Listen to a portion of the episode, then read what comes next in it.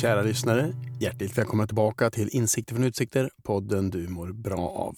Jag heter Malte Hallqvist, jag är komiker, föreläsare och skådespelare. Och det här är min podd. Först och främst vill jag tacka alla som var på livepodden med Peter Hallström och Daniel Sjöberg som gäster. Fantastiskt, det blev precis en sån här kväll jag hade hoppats på.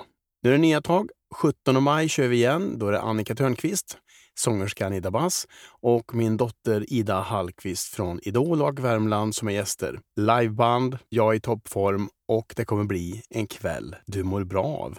Detta kommer alltså ske på Scalateatern i Karlstad och biljetter hittar du på ticketmaster.se. Välkomna!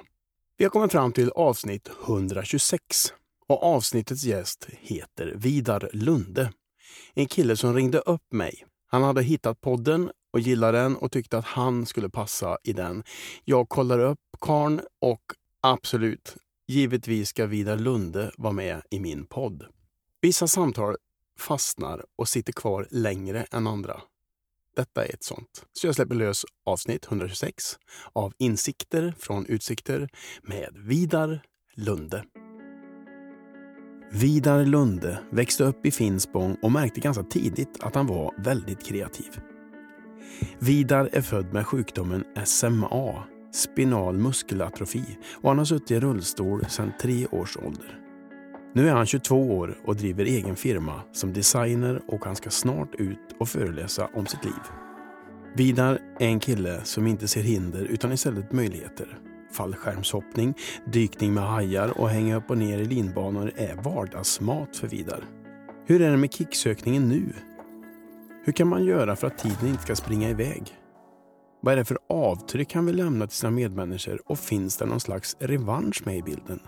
Detta och väldigt mycket mer kommer här. Men först, vilken tid är det lagom att gå upp på morgonen?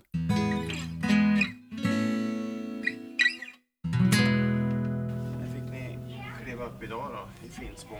För mig är det tidigt i alla fall. Jag gick upp vid eh, sex. Ja. Så att eh, det är inte vad jag är van vid. Va vanlig uppgång är klockan? Jag försöker hålla mig till nio ungefär. Ja, Det känns som en... där är jag med dig. Ja, Till 100 procent.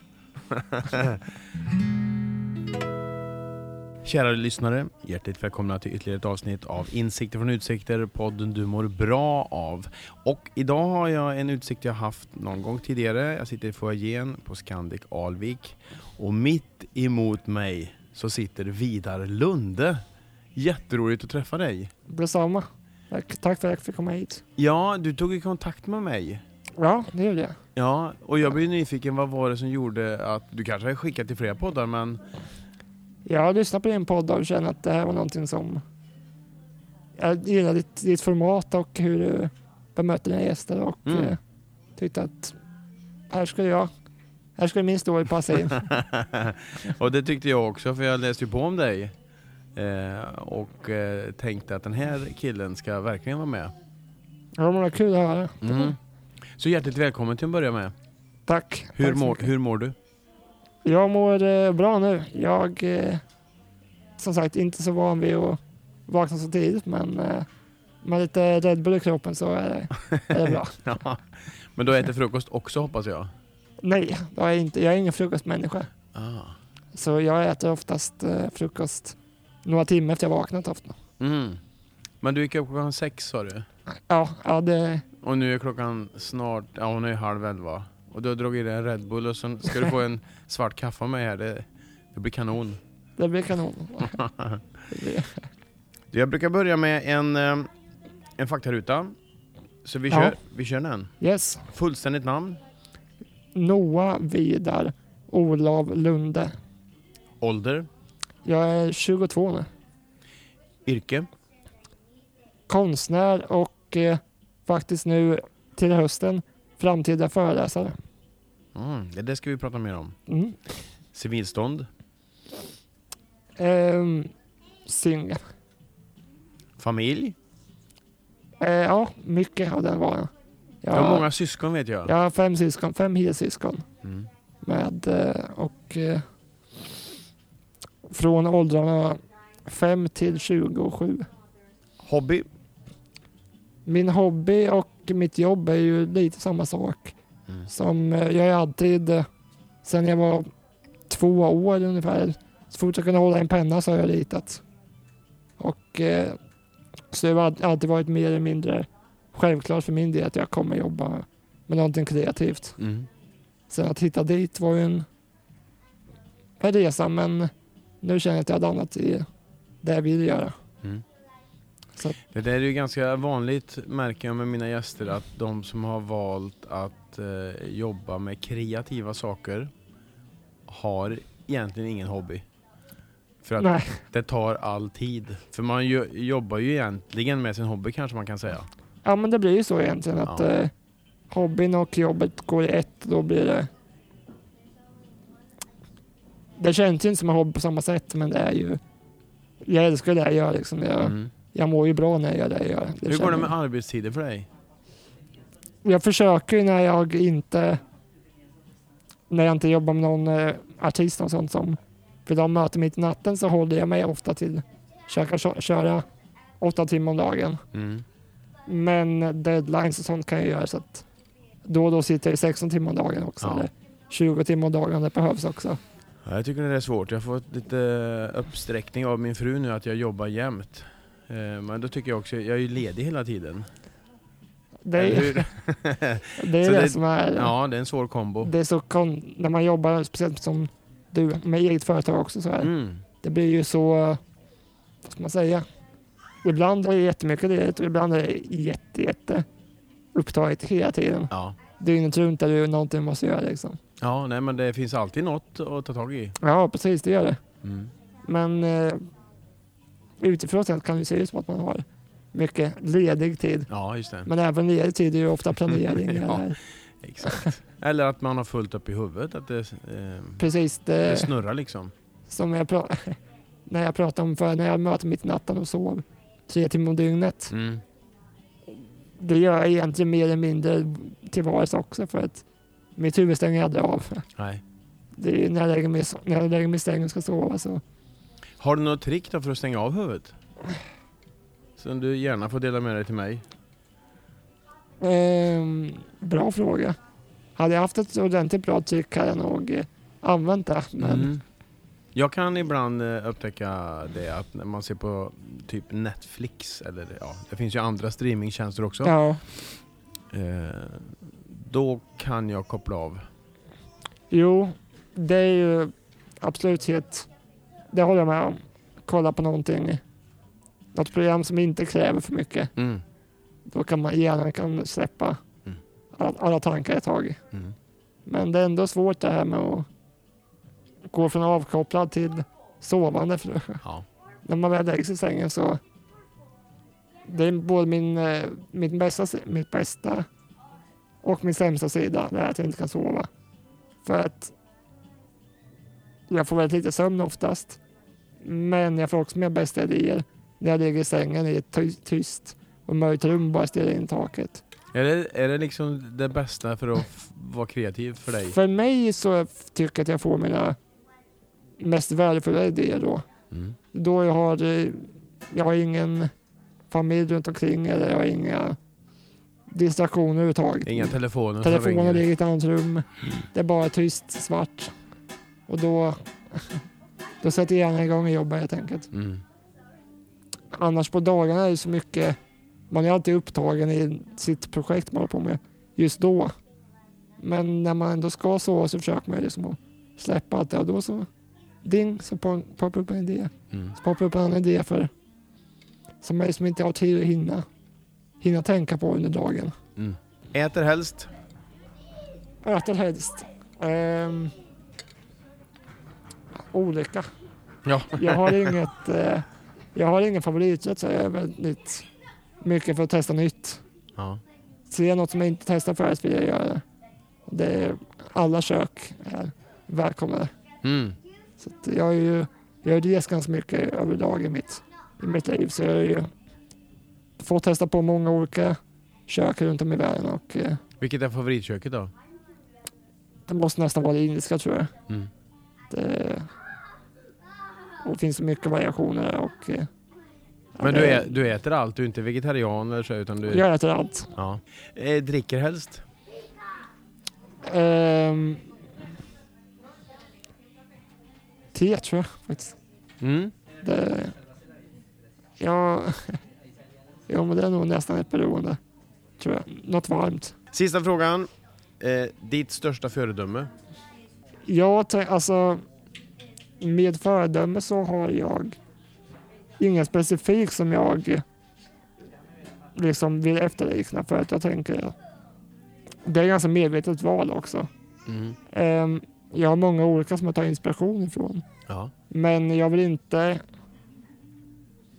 vad man säga, välja en specifik person som jag har som min föredö- mitt föredöme för att jag vill inte skapa någonting som efterliknar någon annan. Utan jag vill ha min egen. Är det för att du blir lite Jag rädd inte- för att fastna i något? Precis. Ja. Jag vill tiden, jag vill att det ska vara alla mina beslut och mina tankar som jag lägger i mitt skapande ska komma från många olika håll, inte från att jag har sett det här utav en person. Jag vill liksom inte efterlikna någonting. Utan jag vill skapa något som är helt, helt mig bara helt enkelt. Mm. Så att eh, mitt föredöme är eh, väldigt utspritt skulle jag säga. Ja. Det är eh, och väldigt olika beroende på vilket tillfälle vi pratar.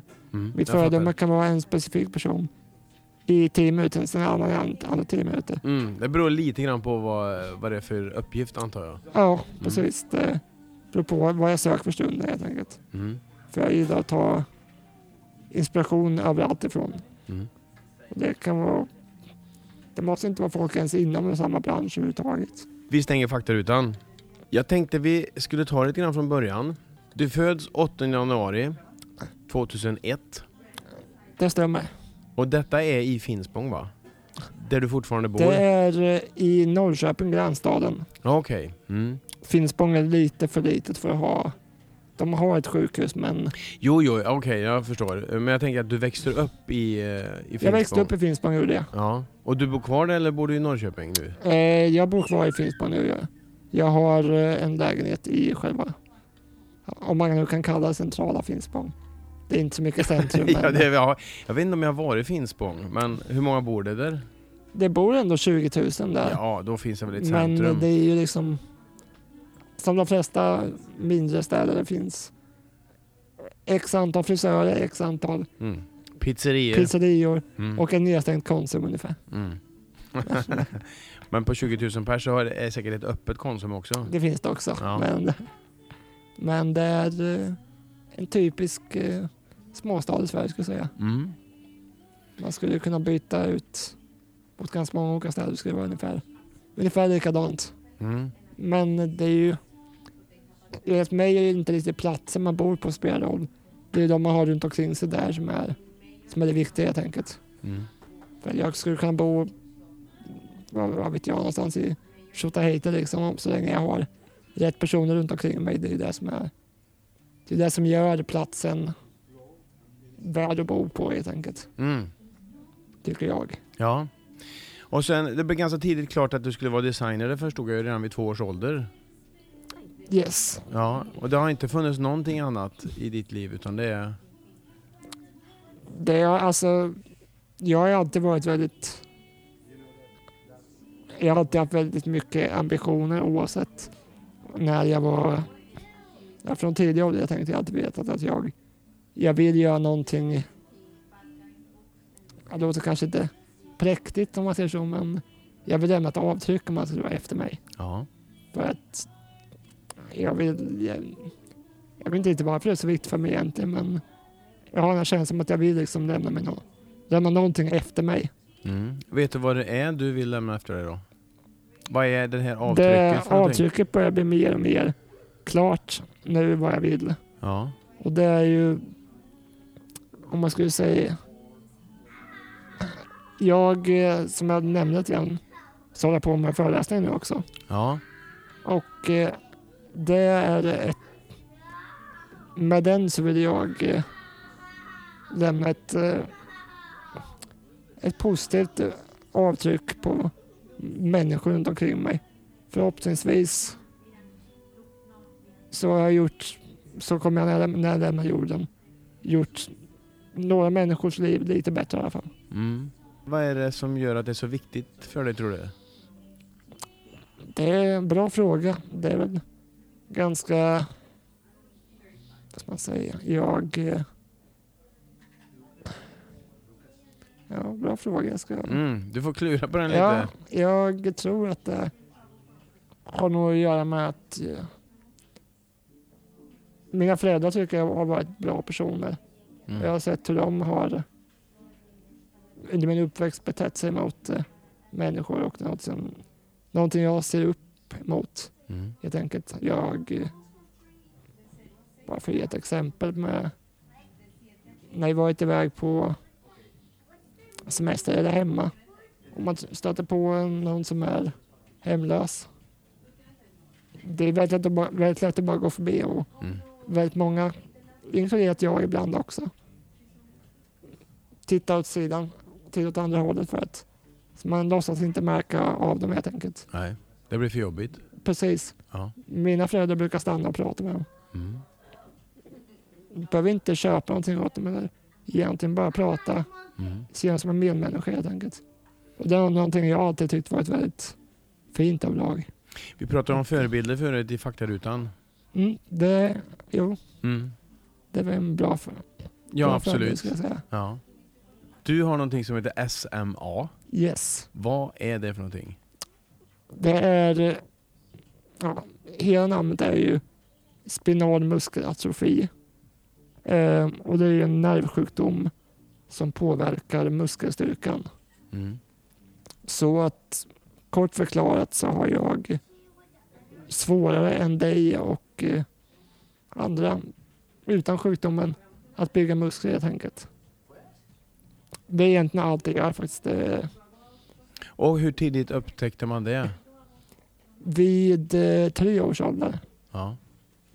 Eh, det, är, det är ganska ovanlig sjukdom. Det är ju en på 40 000 får, den här, sjuk- Mm. får eller har anlaget för sjukdomen. För den kan, jag har läst på lite om det, och det fanns olika faser eh, och det var att man kan få den vid olika åldrar och så vidare. Det stämmer. Eller man har den alltid. Är det någon Den är alltid autoimmun? medfödd. Det är någon autoimmun sjukdom eller? Eh, ja, alltså det finns... Nu på senare år har det kommit lite mediciner mot det.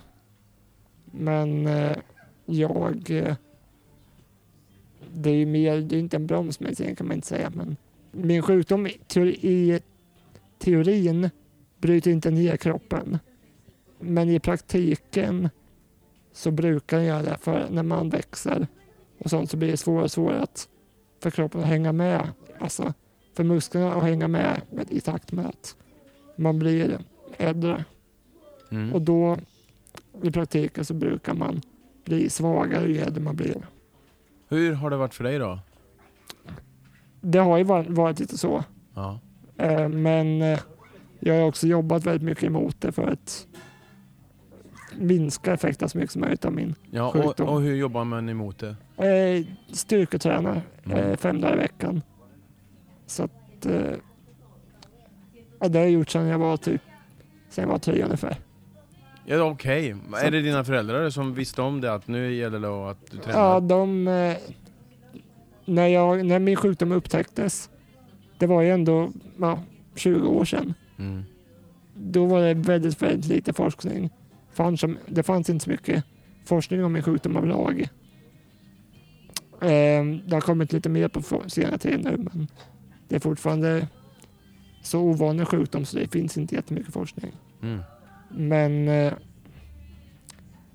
det var egentligen mina föräldrars beslut att jag skulle träna för att från början då. Sen har jag fortsatt med det Mm. på egen hand för jag vet att det fungerar. Men, men det var deras su- sunda förnuft som sa att det nog, kommer nog vara bra. Mm. Och det är väldigt tur det är för att jag är väldigt, vad ska man säga, bra skick för min, med tanke på vilka sjukdomar jag har om man säger så. Mm. Så att eh, det var ett bra beslut som jag fortsatt med. Och du har gjort enormt mycket eh, Du sa förut att du har varit ute och rest i, i världen och när man läser om vad du har gjort så har ju du gjort massa saker som jag kanske har snuddat vid tankemässigt att det vore ju häftigt men det har jag inte vågat. Alltså fallskärmshoppning, eh, dyka med hajar, eh, mycket sådana här kickgrejer. Det har, med, det har mycket med min personlighet att göra. Ja. Jag har alltid varit... Eh, alltså, hela min uppväxt har alltid varit sån som vill att det ska hända saker Mm. Hela tiden. När jag var i skolan så var jag den här bråkstaken. De som står utanför skolan och röker på lektioner och eh, Men det är, det är lite punkare över dig tycker jag. När man, första gången jag såg det, först då, så hörde du av dig och sen då kikade jag på det eh, som fanns att kika på såklart och då du var med i Musikhjälpen nu Mm, i det stämmer. höstas va? Ja, precis. Nu eh, det var i december. Just det, det var det ju. Det var jul ju. Oskar Mm. Sia och Claes Eriksson var i Precis. studion. Ja, jag var när de var där ja. Ja, och du designade en jacka. Men då tänkte jag på det, här, här har vi en punkare verkligen. Jo, En, och det, re, en, en rebell. är dina syskon likadana eller är det du som är rebellen? vi kommer ju alla från samma föräldrar så alla har ju lite det här eh, drivet om man säger så. Mm. Men i olika former. Det är ju framförallt eh, jag och eh, en av mina yngre bröder som har satsat på eget företag helt enkelt. Mm. och eh, satsa på att köra sitt eget spår på det här sättet. Men eh, ja, jag och min lillebror har också alltid varit eh, som sagt de här eh, Kicksökarna. kicksökarna ja, För det är inte... i det är ju- olika former. Jag läste ju att det, det har ju varit ganska nära jättefarligt ibland. Det var någon linbana. Du får nästan berätta det Ja, där. ehm, jag eh, som sagt i mitt liv så har jag alltid försökt söka kickar och Mm. eh, Och den kicken, är det att vara så nära döden som möjligt eller vad är det det, som är... förhöjer upplevelsen lite grann. Jo, jo. Men eh, det här exemplet som, som du tog upp lite grann är när jag var på semester i Sydafrika. Så det var efter vi hoppat fallskärm. Eh, så såg jag också att det fanns en så här lokal attraktion kan man säga. Det var en linbana som man kunde åka uppifrån ett berg. Ja. Eh, och eh, det låg kanske 70 meter upp på det här berget ungefär. Och att ta sig upp dit med fullt fungerande ben var inte lätt. Så att eh, ta sig upp med rullstolen, det var en utmaning men det gick i alla fall. Mm. Eh, och jag tänkte att jag är uppe och fallskärm innan liksom, så att det är väl bara att åka linbanan. Mest för att få liksom, kul utsikt och köra den här linbanan. Mm. Eh, och eh, det var ingen konstighet. Man skulle sätta fast, eh, sätta fast sig i selen, haka fast sig i en linbana och åka iväg och njuta av, utsik- av utsikten. Liksom. Ja. Berg och trädtoppar under och klarblå himmel. Ja. Så jag hakar fast med linbana. eller Jag hakar fast i linbanan, åker iväg och tappar greppet direkt. Så jag flippar runt och hänger helt upp och ner. Så jag åker hela linbanan hängas upp och ner och titta ner mot berg och trädtopparna Ja. och hoppas att det inte ska krossas mot dem. Mm. Men eh, Du ler ju när du berättar det, det är därför jag skrattar. För det är ju egentligen en lite för nära döden upplevelse. jo, men ändå så. Jag tycker att även de tillfällen som lär man sig någonting av sig, om sig själv. Mm. Ja, vad lärde du dig av den där turen då? Eh, det var en lite konstig upplevelse egentligen. Med, så i efterhand så. Jag, när jag hängde i luften och trodde jag skulle, jag skulle dö. Så lärde jag mig att jag ändå är väldigt nöjd med mitt liv. För att jag tänkte inte. Nu kommer jag dö. Fan också nu.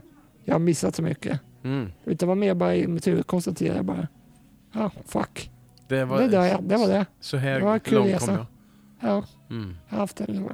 It's been a good ride. Men eh, Är det så du tänker på döden nu också? jag kan man säga att det, det är inte naivt för naivt tänk så, men på sätt och vis. Jag tänker att jag vill leva så, så att om jag kommer nära döden igen ska jag tänka samma sak. Mm. För att jag vill inte... Man vet aldrig vad som, vad som händer. Nej, det vet man ju aldrig. Det låter ju... Men det är ju en sak att kunna omfamna döden och känna att ja, jag har haft en ganska bra, eh, bra liv, det funkar. Eller att man är livrädd för att dö av olika anledningar, att man inte får vara med längre eller att man inte vet vad som händer när man dör och så vidare. Ja, jag är absolut inte redo för att dö om man säger så. Nej, Men eh, det var ändå ganska skönt just då att inse att man faktiskt var väldigt... Så i efterhand inser man ändå nöjd med mm. hur man, hur hur man ga- lever helt enkelt. Hur gammal var du då? Då var jag eh, 18 tror jag. Ja. Det är ju ganska moget för en 18-åring ändå att kunna summera att jaha, hit kom jag. Okej, det är okej. Ja, nej men det, det är ju ingenting jag skulle tänkt utan att varit i den situationen så. Mm. Så det det menar med att man även i sån situation kan man lära sig någonting om sig själv så. Mm. Så att i efterhand var det ganska intressant upplevelse egentligen. Men Ja, men du har gjort mer såna här grejer. Du har dykt med hajar. Alltså, eh, om jag fattar hela rätt så nedsänkt i någon nedsänkt slags... hajbur ja. Ja, just det. Yes. Det, Och då var de på och nafsa på det där då? ja, de är ju emot och försöker ta sig in man säger så. Ja, hur kände du det då? då? Är, det, är det en kul kick eller blir man rädd eller? Jag tror att det beror väldigt mycket på vem man är som person. För min del så var det ju roligt bara. För jag visste ju att de, skulle, inte- de kan inte ta sig in. Nej. Det, men eh, det är också lite grann den här skräcken som gör att det blir lite extra kul. Mm.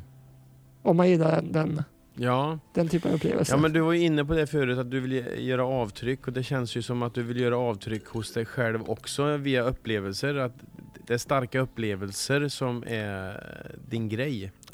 det, det stämmer bra. Mm. Gör det. det är väl, vad ska man säga, att eh, som det här med föreläsningar jag pratade om. Mm. Eh, Det är ju också, jag har ju, jag har ju kört testpubliker och kommer dra igång till hösten nu. För, vad heter föreläsningen? den heter Be inte för mig. Mm. Och vart, vart kommer det sig ifrån? Är det folk som har kommit fram och vill be för dig eller vad är det som... Jag kan dra historien om hur jag fick idén först att göra Ja, gör det. föreläsning. Mm. Det var så att jag eh, satt på en tågstation och väntade på en tjej jag skulle träffa från en, så här, en Tinder-dejt helt enkelt. Mm. Eh, så jag sitter och väntar på henne på tågstationen. Och sen så kommer det ut eh, två tjejer från eh, ett av tågen. Helt random tjejer, inga jag har sett någonsin tidigare.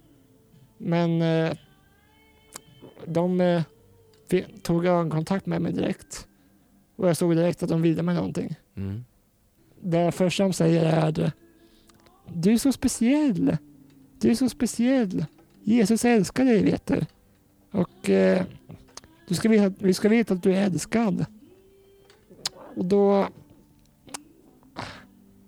Jag har ju varit med om något liknande förut så att jag zonade ut ganska snabbt och så höll de på så ett tag till. Ja. Yes, absolut. Mm. Kul för Jesus. Intressant. Sen är plötsligt så... så som sagt, jag zonar ut ganska mycket så att jag tittar bort. i- Bara bryr mig inte om så mycket för jag väntar på min, min dejt. Men helt plötsligt så ser jag att de sätter sig på knä framför mig. Och lägger sina händer i mitt knä. Och så ber de en bön för mig. Mitt i, alltså det här är mitt i väntsalen. Mm. Väntsalen på tågstationen. Och det här är ingenting du har bett om? Det är ingenting jag bett om överhuvudtaget. Nej. Det är två tjejer jag aldrig sett förut. Som eh, i sina huvuden säkert gör en bra sak. Eh, Men skälet att jag inte tyckt så mycket om det är för att hade jag inte suttit i rullstol hade det aldrig hänt. Nej. Det är ingen som går fram, som någonsin gått fram till mina syskon eller mina, mina kompisar eller mina föräldrar och gjort samma sak. Blir du arg? min lösning i det här fallet när det var att låta dem be klart, tacka dem, vända på klacken och säga, sen avsluta med att säga Hej Satan, Sa du det? Yes. Var det som någon revansch helt enkelt? Det, det var ett, en omogen men för tillfället kul revansch tyckte jag. Mm. Fick du någon eh, reaktion? Ja, det var väl en chock. Mm. Men eh, efteråt så fick det, mig, fick det mig att tänka att varför skedde det här egentligen? Mm. Det här borde inte ske. Vad kom du fram till då? Jag kom fram till att det finns mycket förutfattade meningar om eh, inte bara mig utan många olika människor. Man, man dömer väldigt mycket utifrån hur någon ser ut utifrån sett. Mm. Och eh, jag tycker inte man ska göra det.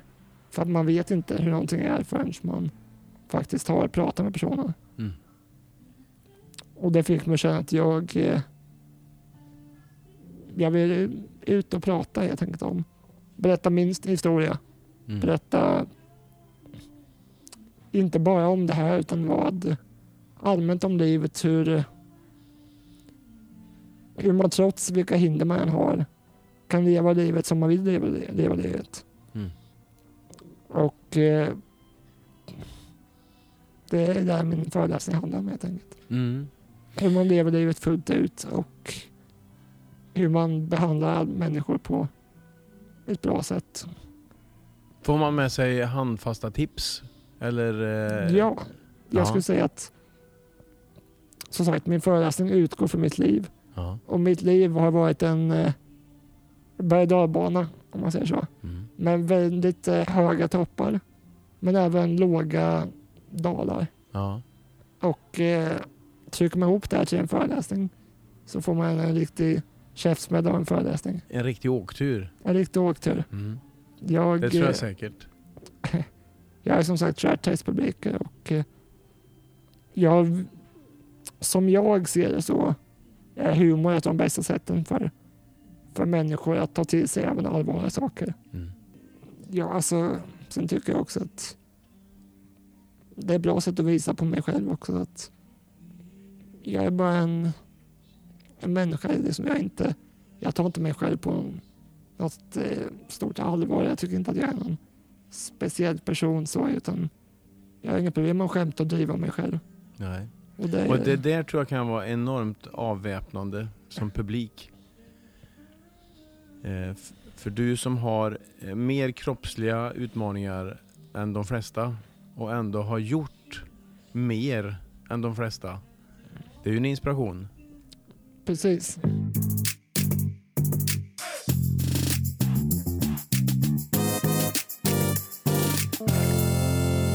Sponsorsnack. När vår handikappade dotter Victoria levde hade hon assistenter dygnet runt. De var hennes armar, de var hennes ben och de var hennes röst. Vi hade otroligt bra assistenter som alltid såg till Victorias bästa och där märkte man hur viktigt det är med bra och noggrann rekrytering.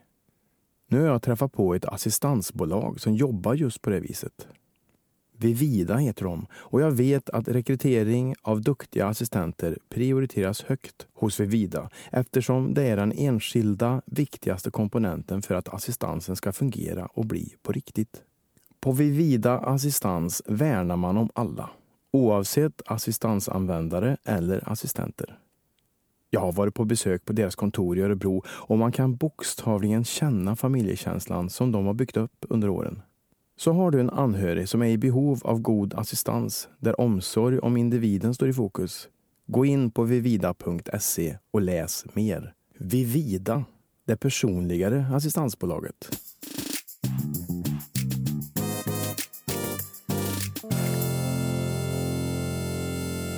Om jag backar lite här. Eh, Ja. När kom du på att du skulle starta eget? För du gick något designergymnasium någonstans? Jag gick eh, eh, teknikdesign, Ja, så teknik med inriktning på design. okej. Och min plan först var att jag skulle bli arkitekt. Ehm, sen så tog jag väl ett eh, sabbatsår och eh, så jobbade jag lite grann och eh, det var egentligen då jag liksom började med småstarten mitt företag bara för att kul grej bara egentligen. Jag ville bara testa på lite grann helt enkelt bara. Mm. Vad, vad det var om man, om man kan leva på att göra, göra konst helt enkelt. Mm. Och sen så vart jag hooked. Så då eh, jag tänkte, så tänkte jag att man kan alltid plugga när man vill också. För ditt företag är ganska ungt va? Du registrerade i 2020? Eh, ja, Eller 2021? 2020. Kan du leva på det? Ja, Ja. det gör jag. Och eh, det är det som är så kul att man kan Häftigt. faktiskt gå och leva på, leva på sin eh, passion, Mm. om man säger så. Ja. Och det, Grattis! ja tack. Ja, för jag tror det är många som eh, går runt och funderar på ska jag följa min dröm och ska jag satsa på mina idéer och jag tycker det är så härligt med människor som eh, startar eget. Jo men det, det är klart det finns ju alltid, det har alltid varit mycket, man möter ju alltid mycket motgångar såklart också. Mm. Vad har du Men, mött för eh, motgång? Ja, det är ju, driva eget företag krävs ju, kräver ju extremt mycket att du tror på dig själv för det första. Mm. Och väldigt mycket motivation. Och väldigt mycket att du vågar ta stegen som krävs. Mm. Ehm, så Men du som gillar kickar, det måste vara perfekt. ja, jo, det, det är ju så. Ja. Det är, faktiskt. Jag, eh, Vad har du för projekt just nu? just nu så har jag faktiskt tagit, jag har pausat lite grann med själva konstföretaget för att av, avsluta min föreläsning.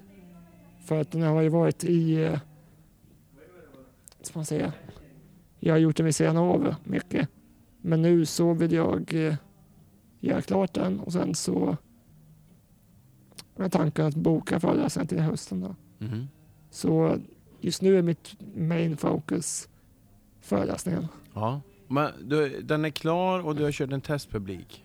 Yes, och jag fick eh, så bra gensvar man kan. Jag kunde tänka mig faktiskt. Eh, Ja, jag tvivlar inte en det sekund. var väldigt faktiskt. eh, kul att få, få det bekräftat att det faktiskt var det. För det är ju ändå en hel del människor som lyssnar på den här podden. Ja, Om man vill boka dig, vad, vad gör man då? då? då eh, hör man av sig till antingen, eh, jag nås ju mest via min Instagram. Ja. Det är där jag får mina kunder. Man Och du, du heter ett Vidar Lunde?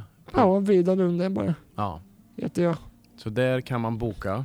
Där kan man boka för min mail och eh, nummer finns ju Mm. där också. Mm. För det är oftast om man inte vill kontakta mig i, i DM på Instagram så kan man ju liksom mejla vad som helst också. Ja, just det. Mm. Eh, Jag hoppas ju att det här, att, att du har varit med i min podd, har- kommer ge dig massa uppdrag. Det vore ju toppen. Det vore jättekul. För Ja. det, jag eh, känner verkligen att jag har någonting som jag vet uppskattas väldigt mycket Mm. och som faktiskt folk tar med sig någonting efter. Vi kan ju bjuda på detta lite grann via Du har sagt.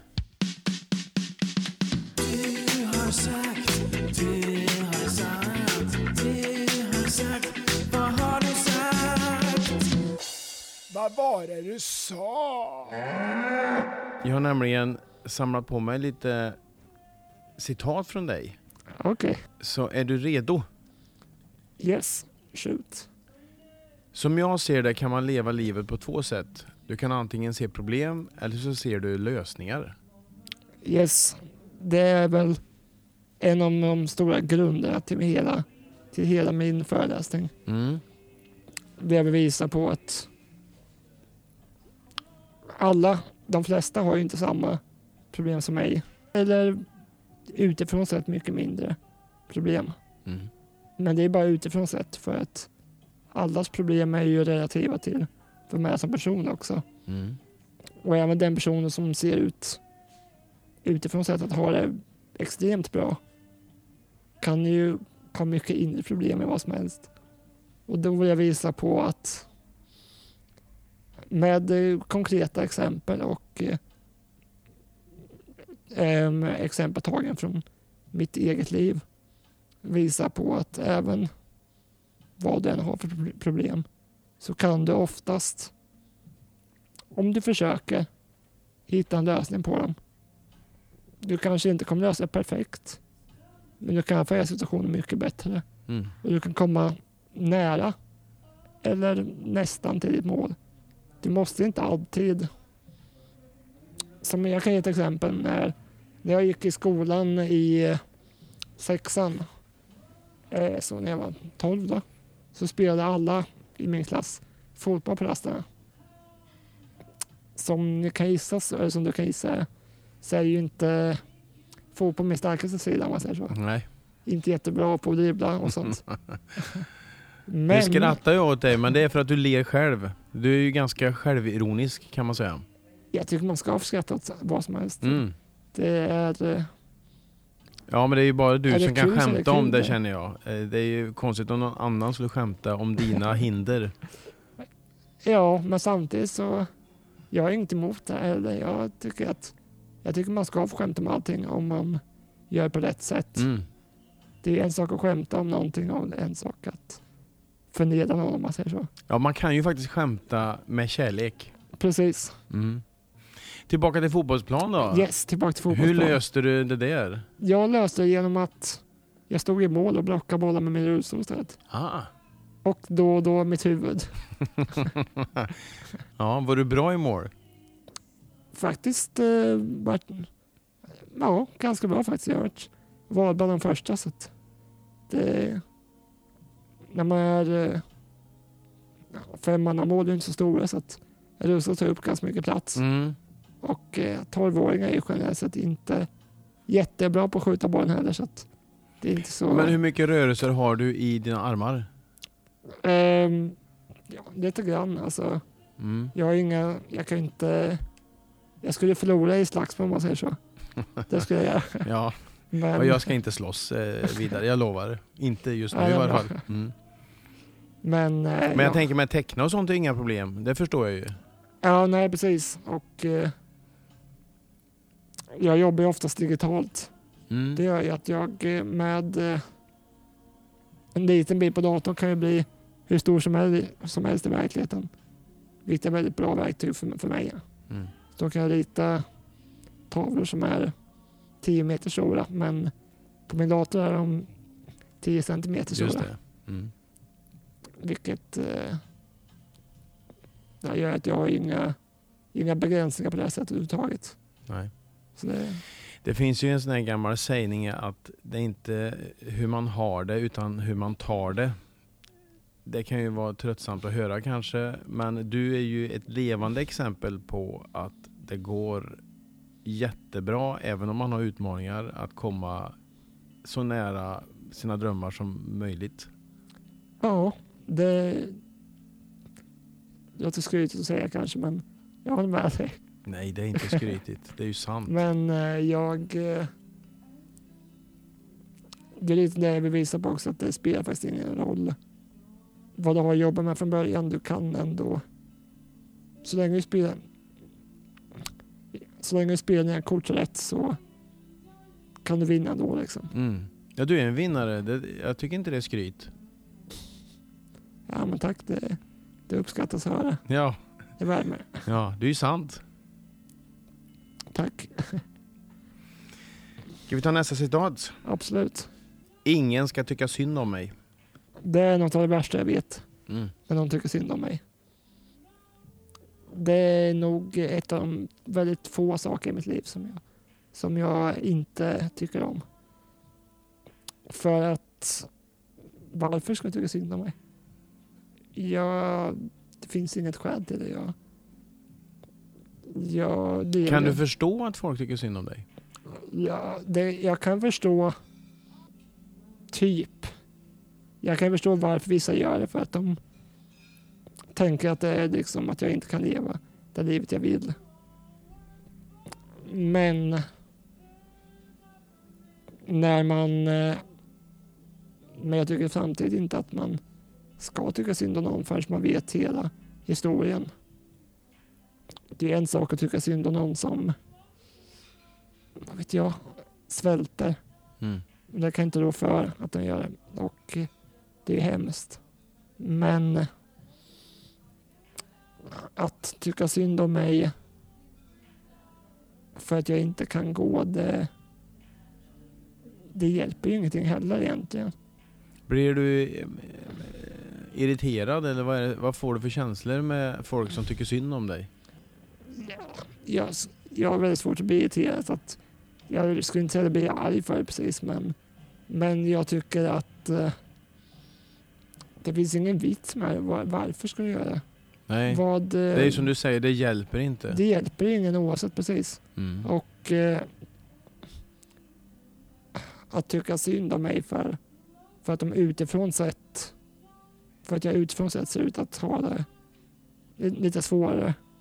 Det är också att eh, på ett sätt nedvärdera mig som människa också. Att jag bara för att jag sitter i rullstol måste ha ett dåligt liv. Mm. Eller för att jag inte kan leva som jag vill bara för att jag sitter i rullstol. Mm. Och eh, det är absolut inte fallet. Jag gör det som är precis som jag vill oavsett. Mm. Jag har bara lite andra vägar för att ta mig till samma mål som, jag, Mm. som andra. Mm. Som, som idag till exempel när vi ses här i Stockholm, du får åka. Kan du helt själv komma hit? Ja, jag har... Idag hade du sällskap med farsan. Ja, det var för att jag en lång resa. Så jag Ja. och köra själv. Ja, det är, visst jag fattar. Men, Men, du, kan, jag har körkort du är helt och fri, egen bil. helt fri Ja. att att sticka. Mm. Absolut. Det är... Jag tog körkort för två år sedan nu, så Mm. det är väldigt... Ja, det är en frihet som för alla har körkort, så det är väl skönt. Ja, nu när du ska ut och föreläsa så är det ju oerhört praktiskt kan jag säga. Ja, det är det verkligen. Det. Be- Behöver du någon hjälp under dygnet eller du fixar allt? Alltså, jag behöver hjälp med vissa saker. Det är ju vissa handräckningar och sånt. Mm. Men eh, det är ju... Ja, om jag är på Ica eller vad som helst så folk är hjälpsamma också. Mm. Jo. Man kan ofta be om hjälp för det mesta. Mm. Det är något som jag också tycker att folk gör för lite. Mm. Be om hjälp för att de inte vill. Mm. Ställa till en eh, scen eller vad som helst. Jag tycker om man vill får man be om hjälp. Jag tänkte. Jag är ute med en föreläsning eh, som heter relationsteorin Ja, och i den då har jag en tombola. I den föreläsningen så har jag sju tips till ett bättre liv. mm. Be om råd och be om hjälp är en utav dem. Och det är inget som jag kommer på utan det har jag läst mig till att just att be om hjälp är ett fantastiskt sätt att skapa nya relationer. Och så ger man ju bort ett förtroende samtidigt. verkligen. Att Mm. du, Det är en vacker gåva. det är det absolut. Mm. Det, är, det är något av det bästa man kan göra är att hjälpa andra. Mm.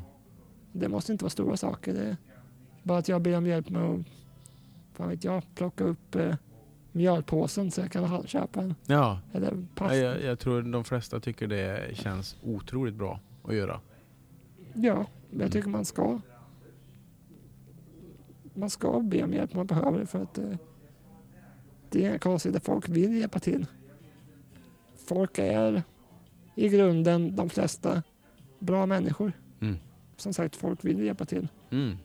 Det är så konstigt att vi ändå inte gör det. För du märker ju det att, att vi är dåliga på att be om hjälp. Fast vi vet att vi mår bra av det. Och Ja, både den som ber om hjälp och den som får hjälpa till mår ju bra. Det är liksom en synergieffekt. precis. Men jag tror att det är lite... Det, det är betydligt mer så i Sverige skulle jag säga. Än många länder jag har rest i. Mm. Men det är nog lite det här med att man var man för sig själv. Ja. Är lite, det är ju ganska mycket så i Sverige. Lite man, ensamland. man ska klara sig själv, man ska Mm. stå på egna ben. Ensam är stark, som man säger. Exakt. Men eh, ensam är sä- ganska svag egentligen. jag brukar säga att ensam är ensam. Ja, det håller jag helt med. Vi tar nästa citat. Jag har alltid sökt kickar. Ja, Vi var ju inne på detta förut med fallskärmshoppning och hajar och... jag har alltid sökt i olika former om man säger så. Mm. När jag, som jag var inne lite grann på förut, när jag, var, när jag gick i skolan var jag den här ja, som startade brandlarmen Mm. och eh, var allmänt stökig. Det var väl mitt sätt då att eh, få utlopp för min extra energi och mitt, eh, min eh, turbulenta hjärna, Mm. kanske man kan säga. Mm. Och eh, idag så söker jag ju mer kicken med saker som fallskärm eller också som det här med föreläsning att, och att få jobba med och träffa artister och sådana saker som kul upplevelse överlag. Mm. Jag värderar, jag värderar minnen väldigt högt. För att eh, nu, det kan, jag har tänkt på det här när om man bara är hemma och gör samma sak varje dag i en vecka till exempel. Dina dagar i en vecka ser ungefär likadana ut. Kan du komma ihåg vad du åt för mat två dagar sedan? Nej. Nej. Men om du varit iväg på resa i, eh, fan vet jag, Sydafrika och eh, så hoppar du ja, hoppar fallskärm och sen Mm. kommer du ihåg vad du åt för mat den dagen. Förmodligen. Mycket större chans. Förmodligen. Ja. Precis. För att hjärnan väljer att sålla bort när det händer för mycket likadant. Mm. Hjärnan, när man upprepar samma mönster om och om igen, så ser hjärnan det som onödig info. Mm. Och då kastar man bort de minnena. Så att det är därför som du kommer ihåg så mycket mer från semestrar och sådana saker Mm. än vardagslivet. Och eh, därav så värderar jag minnen väldigt högt. För att jag vill skapa så mycket saker som möjligt som, som inte har med det normala livet att göra. Mm, just det. När det bränner till lite. Precis. Mm. Och eh, bara saker som skiljer ut sig från vardagslivet. Mm. Jag kan också tycka att det bromsar tiden på något vis. Gör man eh, samma sak varje dag så går veckorna så fruktansvärt fort. Och ju äldre, äldre man blir, du ska, vänta ska du se, det kommer gå bara fortare och fortare. Det är jättemärkligt. Eh, så därför, göra nya saker bromsar tiden lite. Exakt, det är precis eh, helt rätt. Det, tid är ju, enligt mig i alla fall, det mest värdefulla vi har i hela livet. Mm. För det är det enda vi har en begränsad summa utav. Mm. Vi vet inte exakt vad den summan är för oss.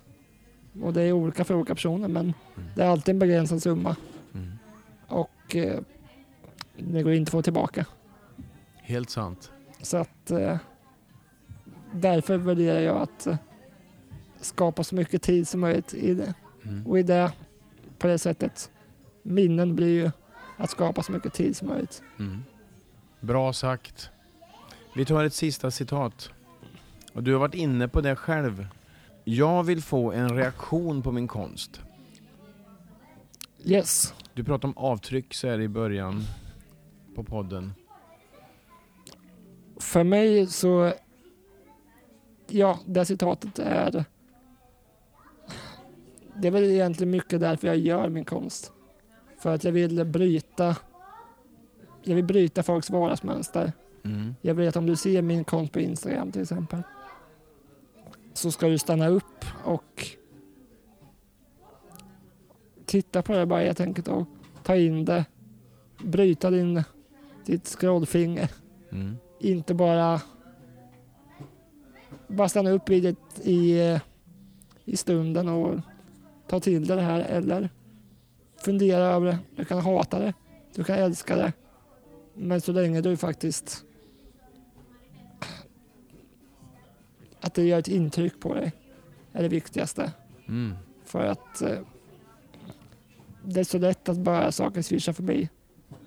Och det är så mycket som bara svischar förbi. Det verkar ju någonstans som att du har eh, förstått det på dig själv att, att skapa minnen gör dels att man eh, får någon slags kvalitet på livet och att man kommer ihåg det. Det sorteras inte bort av hjärnan. Och att det bromsar tiden lite. Ja, Och att du vill ge det avtrycket, ge det vidare till, precis. till andra människor. Det var, det var en genomtänkt analys tycker jag. Ja, jag sitter är här och, i. och, och lyssnar, för du sa i början att du inte riktigt visste varför du ville ge, ge avtryck. Ja, då, du har nog hittat mitt svar då. Ja. Vad härligt. Eller är det en revansch att folk inte tror så mycket om dig och du vill visa på annat? Den där svår, frågan är svår för att i mitt huvud så tänker jag inte så. Men samtidigt i bakhuvudet så finns det ju säkert där också. Det finns ju allt det här för jag vet ju vad. Jag vet ju hur eh, många tänker om mig när de inte träffat mig innan. Mm. Vad som försiggår, vilka tankar som snurrar runt i huvudet om vad jag är och hur jag är. Mm. Och det känns ju alltid lite bra när man chockar de personerna Mm. med att jag är något helt annat än vad de tror. Just det. Mina damer och herrar, det har äntligen blivit dags, inte bara för mitt och Maltes favoritmoment här i programmet i podcasten, utan jag gissar för er allas. Det har blivit dags för Tombolan!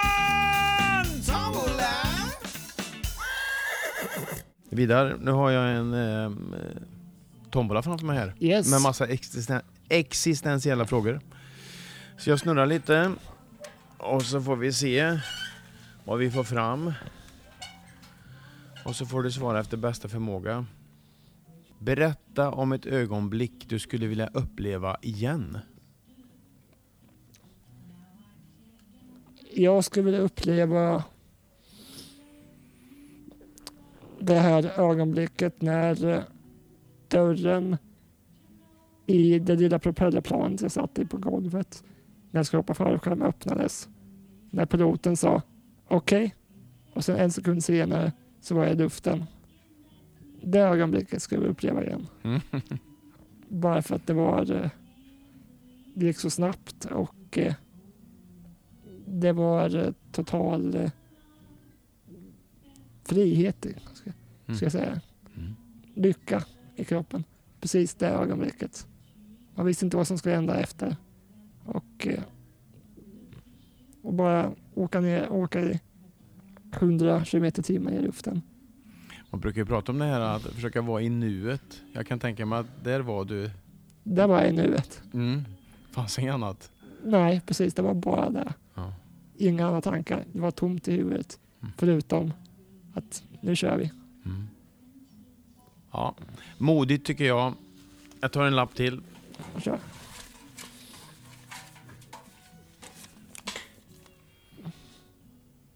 Vad är det första tecknet på att du känner dig stressad?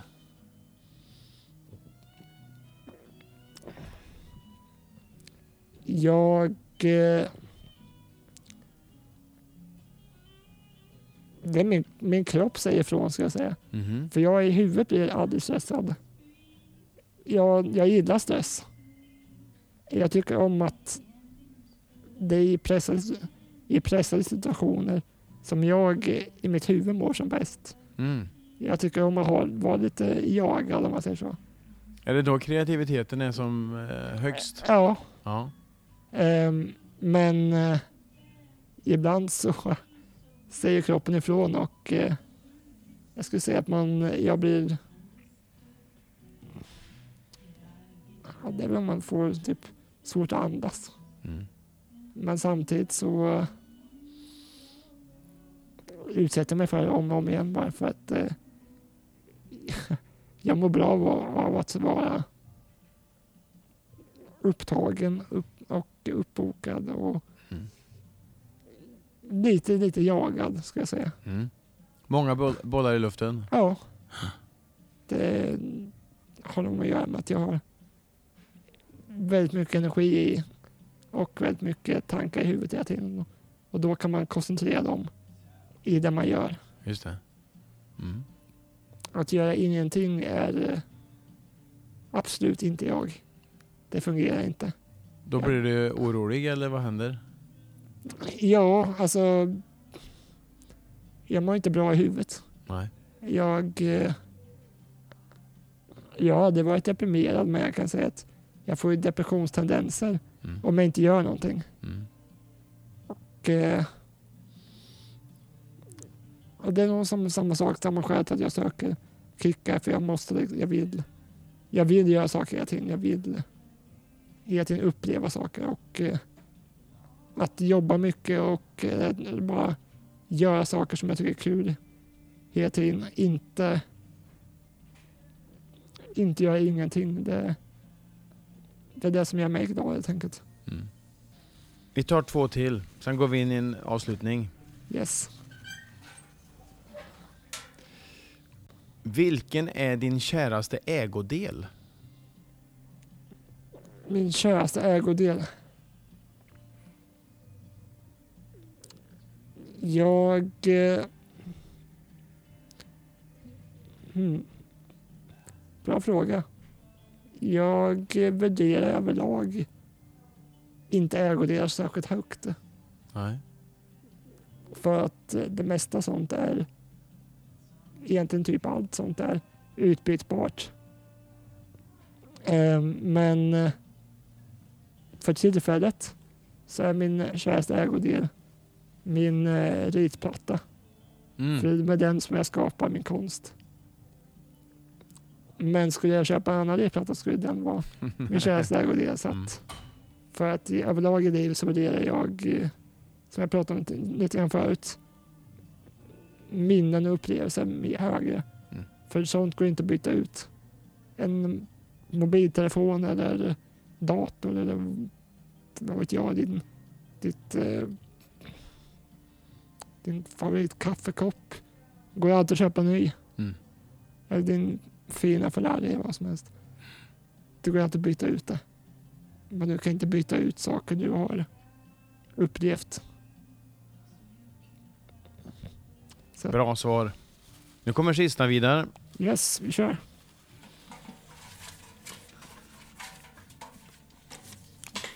Vad i ditt liv känns utmanande just nu? Utmanande skulle jag säga är mina egna mål. För jag sätter alltid väldigt, väldigt höga mål och höga krav på mig själv. Mm. Den, min eh, största kritiker är ju mig själv. Mm. Ehm, som mest utmanande är att uppnå de krav och mål jag satt för mig själv. Skulle jag säga. Mm. Eh, och det... Nu, Är du för hård mot dig själv tror du? utifrån någon annan skulle säkert säga det, Mm. tror jag. Men det tycker inte du? Jag...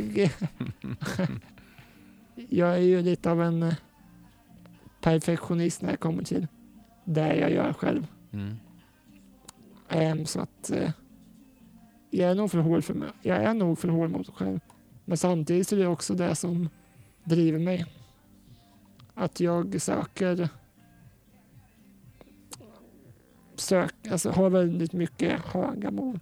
Vilket gör att jag tvingar mig själv till att ta mig vidare helt enkelt. Mm. För att varje steg framåt är ett steg närmare dit jag vill komma. Mm. Men har, har du lätt att känna besvikelse över det du har gjort? För att du har för höga mål? Om jag inte presterat som jag vill, men jag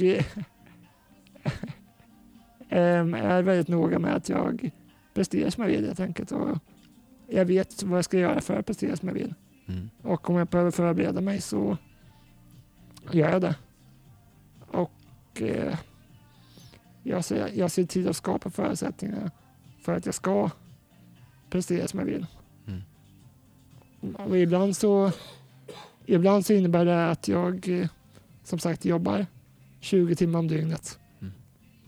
Och då är det kanske att pressa sig för hårt egentligen. Men eh, det är också då som jag trivs bäst med mig själv. Vi stänger tombolan. Avslutningsvis. Du ska iväg på eh, lite turné förhoppningsvis med din föreläsning. Till hösten Till hösten. tanken. Så är tanken. Be inte för mig.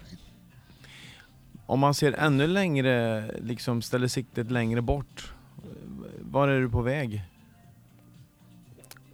Jag... eh, Jag är på väg dit att eh, Vidar Lunde är ett namn som finns i alla hushåll i Sverige. Och eh, då att när man yttrar det namnet så ska man tänka på det som en positiv sak och det ska påminna, om, påminna personen som säger det om att hur man mår bra helt enkelt och förhoppningsvis så är mitt namn, kommer mitt namn att koppla till bra minnen och eh, viktiga eh, läro, ja, lärdomar som man kan ta nytta av i sitt liv. Mm. Jag önskar dig stort lycka till. Någonting säger mig att du kommer lyckas. Stort, Tack så jättemycket. stort tack för att du ville vara med i min podd. Det här har varit Tack för att jag fick vara med. en jättefin stund för mig. Det var jättekul att prata med dig jag måste säga att jag tycker du har ett väldigt bra upplägg på det. Det var jättekul att vara här och du, nej, det jag gillar upp, överlag Mm. hur du gjort allting här. Det var väldigt trevligt samtal tycker jag. Toppen. Tack. Tack.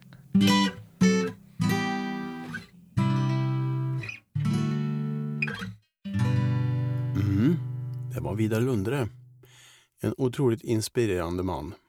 Nästa vecka ska vi också få träffa en man. Det är väldigt mycket män nu märker jag i min podd. Men ni som väntar på kvinnor, lugn, lugn, de kommer.